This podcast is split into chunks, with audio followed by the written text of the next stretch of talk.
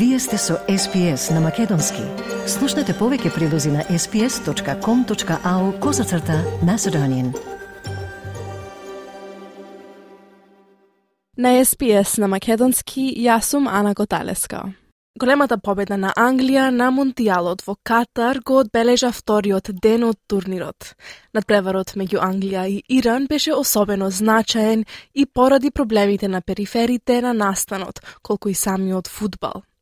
Уште два надпревари го заокружија вториот ден од првенството, а Австралија ги чека Socceroos да ја представат на третиот.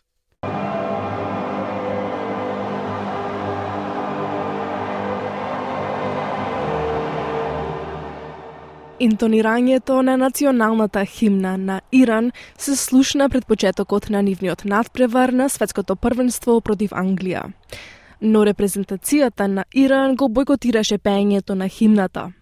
Со тоа се чини дека барем некои од играчите ги подржуваат антивладените протести во нивната земја, а тоа предизвика телевизискиот пренос во Иран привремено да биде прекинат. И некои од навивачите на трибините свиреа за време на интонирањето, носејќи мајци со протестни написи. Одсутна на надпреварот беше и лентата One Love од раката на капитенот на Англија Хари Кейн за поддршка на правата на LGBTIQ плюс заедницата.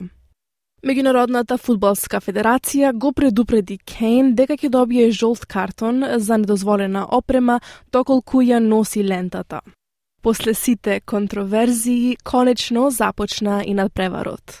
Голманот на Иран, Али Бјераванд рано испадна поради потрес на мозокот. Но вистинската акција во првото полувреме започна потоа, со три гола дадени во период од 11 минути. Нападот проложи и во второто полувреме.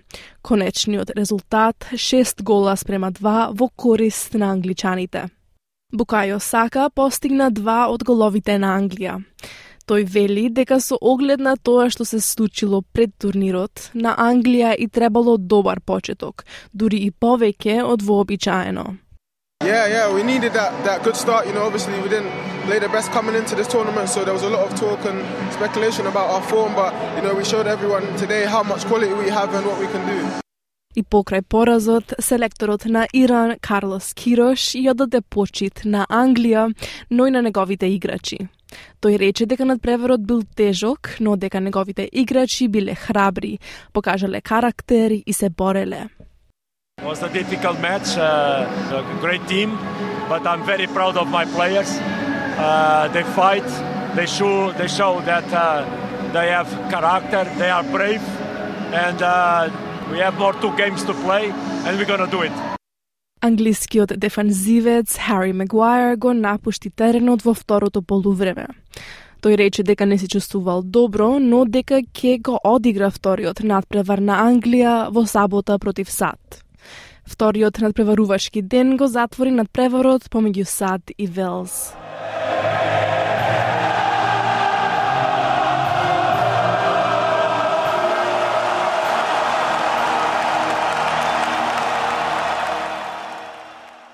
Познатата велшка химна, наречена Земјата на нашите татковци, одекна низ теренот на светското првенство за прв пат од 1958 година. По 8 годишно отсуство и сад се вратија на теренот, откако ги пропуштија квалификациите за последното светско првенство.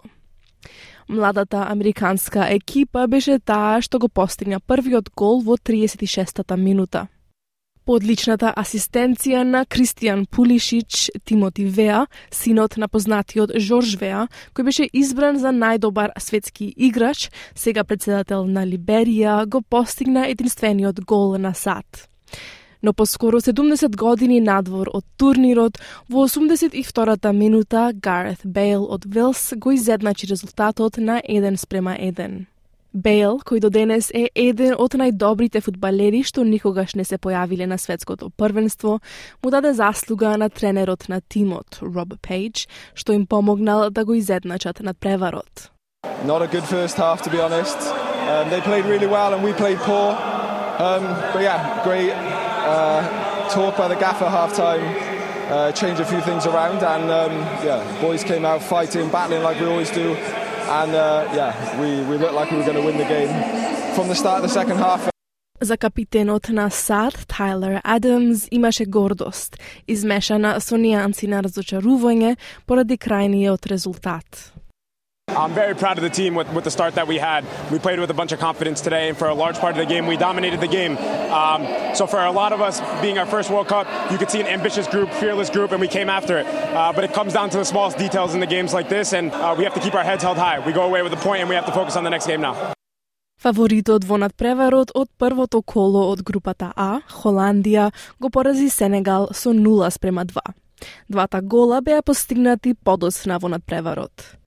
Во 84-та минута, Коди Гакпо со прецизен удар со глава и донесе водство на Холандија против голманот на Сенегал.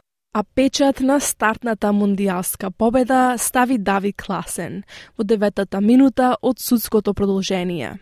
Идриса Гејер од Сенегал вели дека резултатот се должи на комбинација на лоша среќа и грешки, но дека тоа ќе ги мотивира во иднината.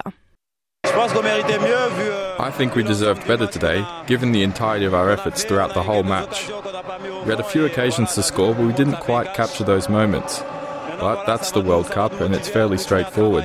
This is going to motivate us. We're going to work really hard this week and try and win the second and third matches in our pool stage to then pass through to the next phase. На третиот ден од турнирот ќе биде првиот тест за Socceroos. Предизвикот е значаен бидејќи ќе играат против бранителот на титулата на светски шампион, Франција, кои ќе го започнат првенството како тешки фаворити против австралиците. Но австралискиот тренер Греем Арнолд инсистира дека неговите играчи нема да бидат преплашени. These kids have a, a lot of talent and I know their mentality. That's the biggest thing.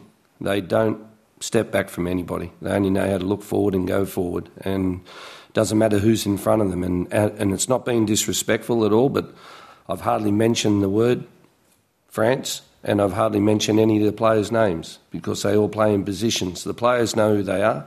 It's just identifying those players' strengths and it's one against one. It's 10 blue shirts against 10, uh, 10 yellow shirts and it's, it's, it's a fight.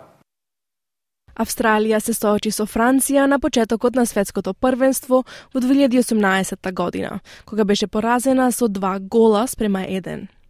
Во другиот надпревар на третиот ден, Данска ќе се соочи со Тунис.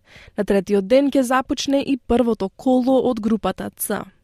Тимот на Аргентина со Лајонел Меси ќе биде главен фаворит против Саудиска Арабија и Мексико ќе игра против Полска на стадионот 974 во Доха.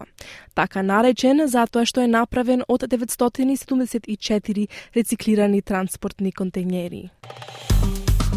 Стиснете, ми се допаѓа, споделете, коментирајте. Следете ја SPS на Македонски на Facebook.